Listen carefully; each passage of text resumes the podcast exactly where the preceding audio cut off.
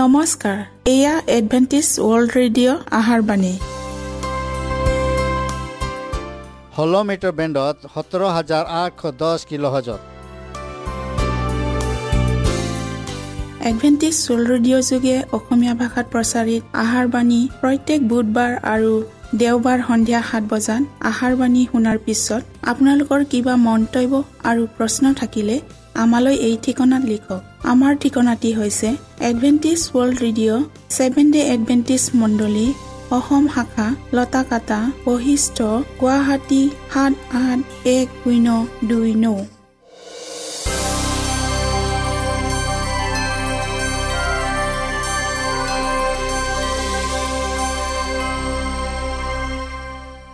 প্ৰিয় শ্ৰোতা বন্ধুসকল এতিয়া শুনো আহক এটি খ্ৰীষ্টীয় ধৰ্মীয় গীত।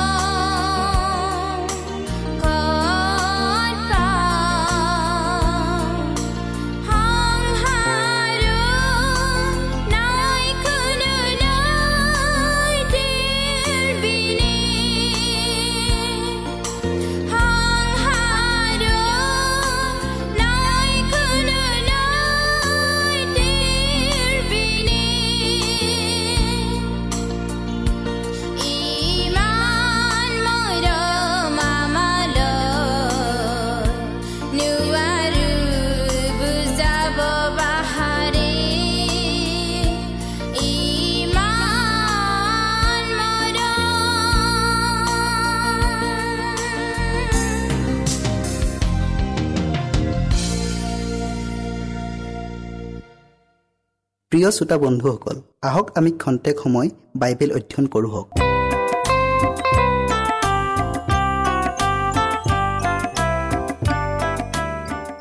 আমাৰ আজিৰ বিষয়টি হ'ল প্ৰকাশিত বাক্য ওঠৰ অধ্যায়ৰ দুজন।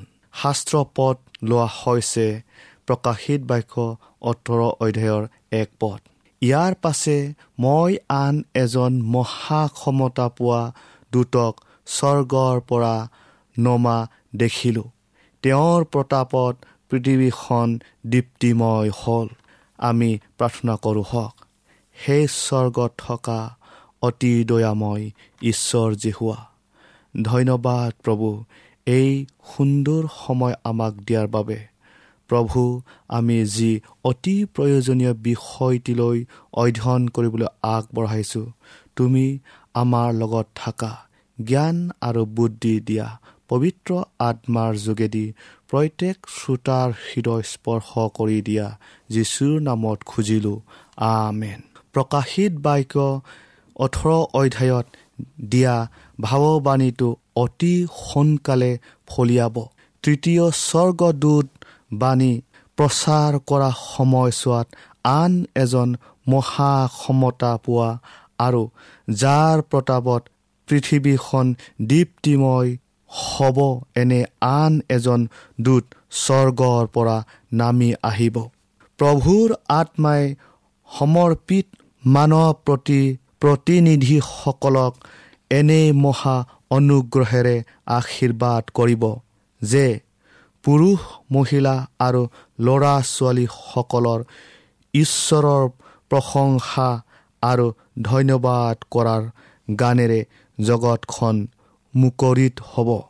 ঈশ্বৰক স্বীকাৰ কৰিব আৰু তেওঁৰ সীমাহীন মহিমা সাগৰৰ পানীৰ দৰে উপচি পৰিব। যিসকলে প্ৰথমৰ পৰা শেষলৈকে নিজ বিশ্বাস দৃঢ়কৈ ৰাখিব তেওঁবিলাকৰ বিশ্বাস সেই তৃতীয় দূতৰ বাণী প্ৰচাৰৰ সময়ত বিশ্বজুৰি জাগি উঠিব। আৰু মহাশক্তিৰে সেই বাণী প্ৰচাৰত তেওঁবিলাকে অংশগ্ৰহণ কৰিব। বৰ মাতৰ সময় চোৱাত মণ্ডলী পুনৰুত্থিত প্ৰভুৰ দ্বাৰা অতিৰিক্তভাৱে সহায় প্ৰাপ্ত হ'ব আৰু পৰিত্ৰাণৰ সম্বন্ধে থকা জ্ঞানক অনেক ধৰণেৰে বিলাই দিয়া হ'ব যে এই জ্ঞানৰ পোহৰ নগৰ চহৰৰ প্ৰতিটো চুকে কোণে সোমাই পৰিব। জগতখনে পৰিত্ৰাণৰ জ্ঞানেৰে পৰিপূৰ্ণ হ'ব।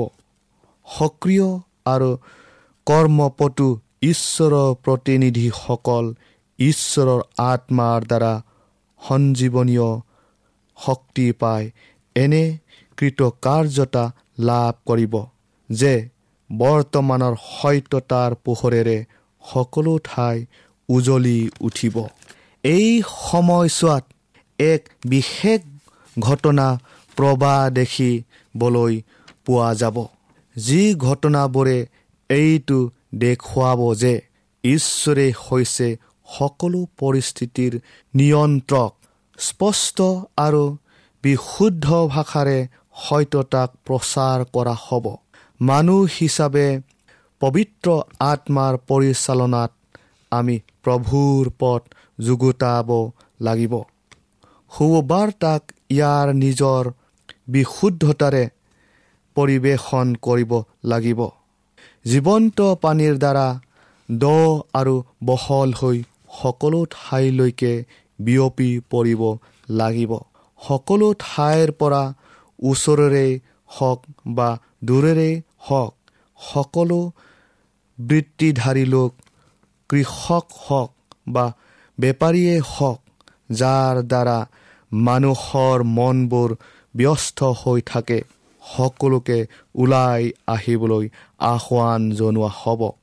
আৰু কিছুমান অভিজ্ঞ মানুহৰ দ্বাৰা তেওঁবিলাকক শিক্ষিত কৰি তোলা হ'ব। যেতিয়া তেওঁবিলাকে ঈশ্বৰৰ বাবে পৰিশ্ৰম কৰিবলৈ উল্লেখনীয়ভাৱে শিক্ষা আহৰণ কৰিব।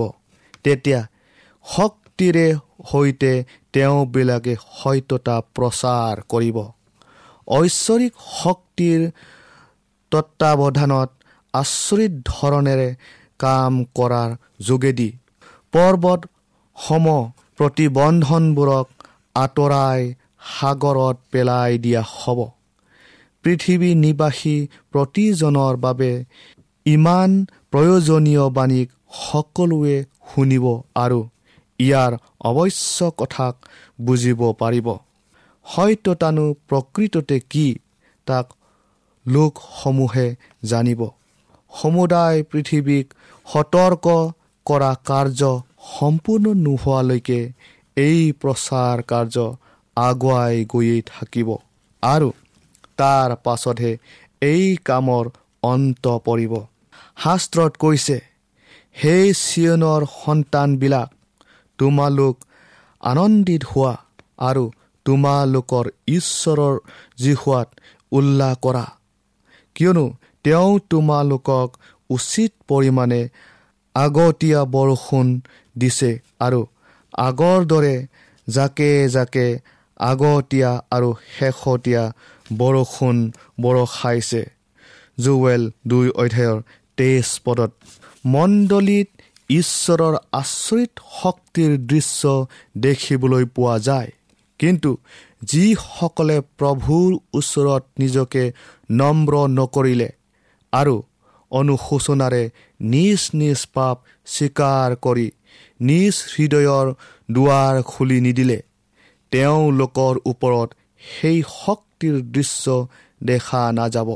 এই শক্তি প্ৰদৰ্শনত ঈশ্বৰৰ মহিমাৰে জগতখনকে পোহৰিত কৰিব।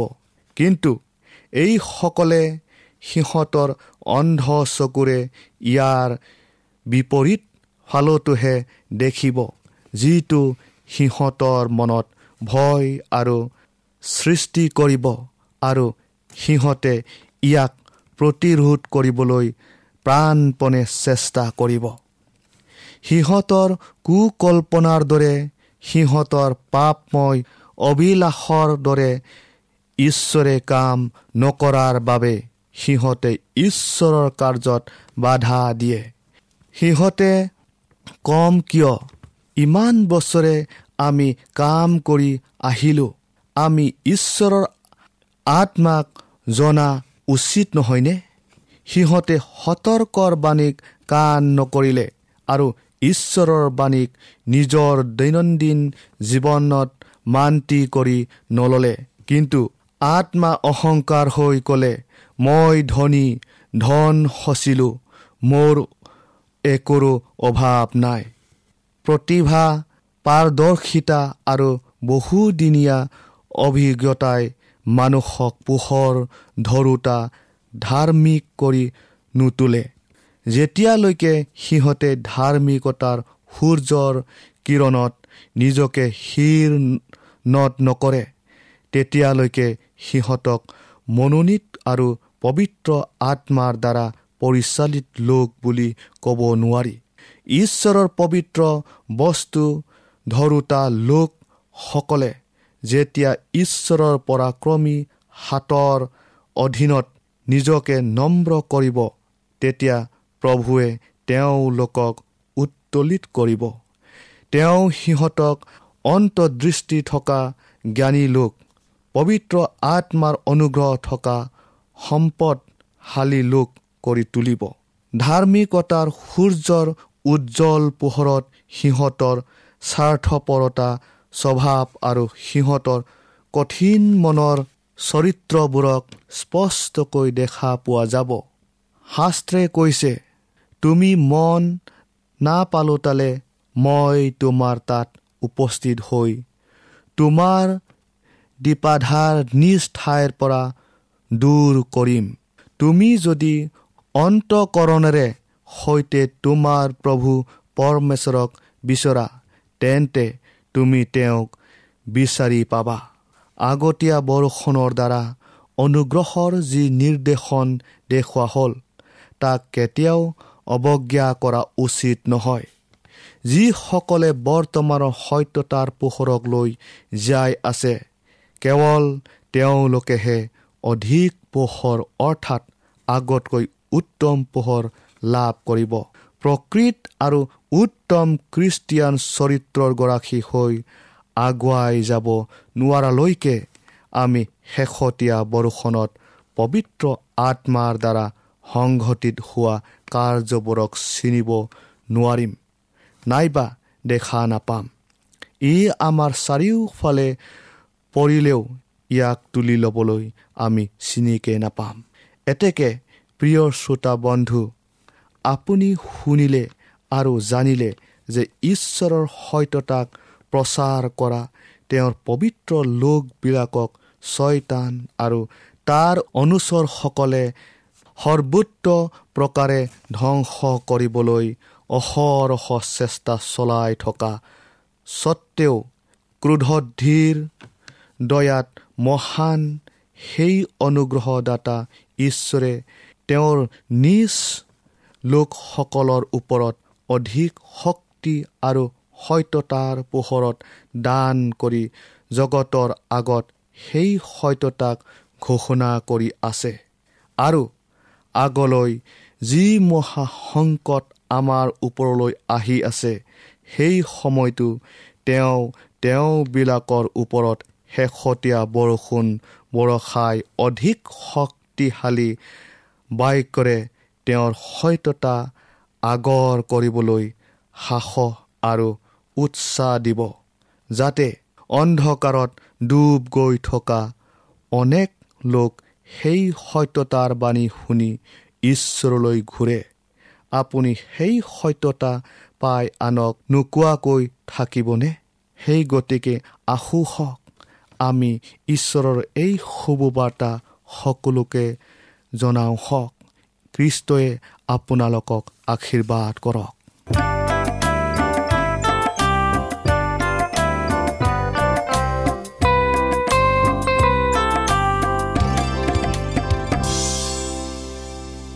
ইমানপৰে আমি বাইবেল অধ্যয়ন কৰিলোঁ। এতিয়া আকৌ শুনো আহক এটি খ্ৰীষ্টীয় ধৰ্মীয় গীত।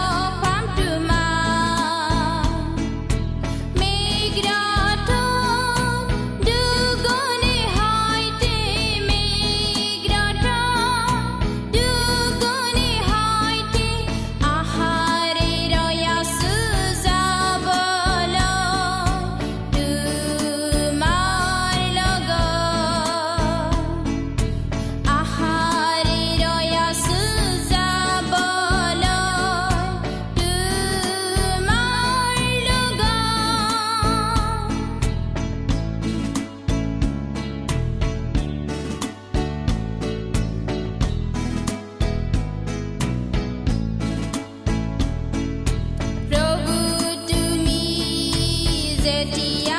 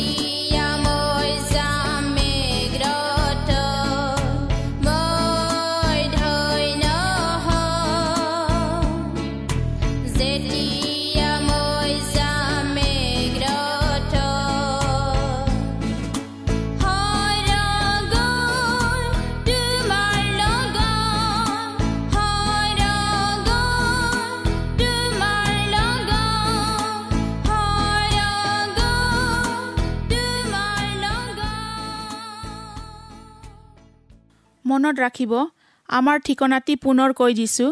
Adventist world radio' Assam region of seven day Adventist voice of hope Lotakata Basistha Guwahati seven eight one zero' two nine প্ৰিয় শ্ৰোতা বন্ধুসকল এডভেণ্টিজ ৱৰ্ল্ড ৰেডিঅ' যোগে আহাৰবাণী প্ৰচাৰত আপোনালোকক পুনৰ লগ পোৱাৰ আহাৰে আজিলৈ সামৰিলোঁ। ধন্যবাদ।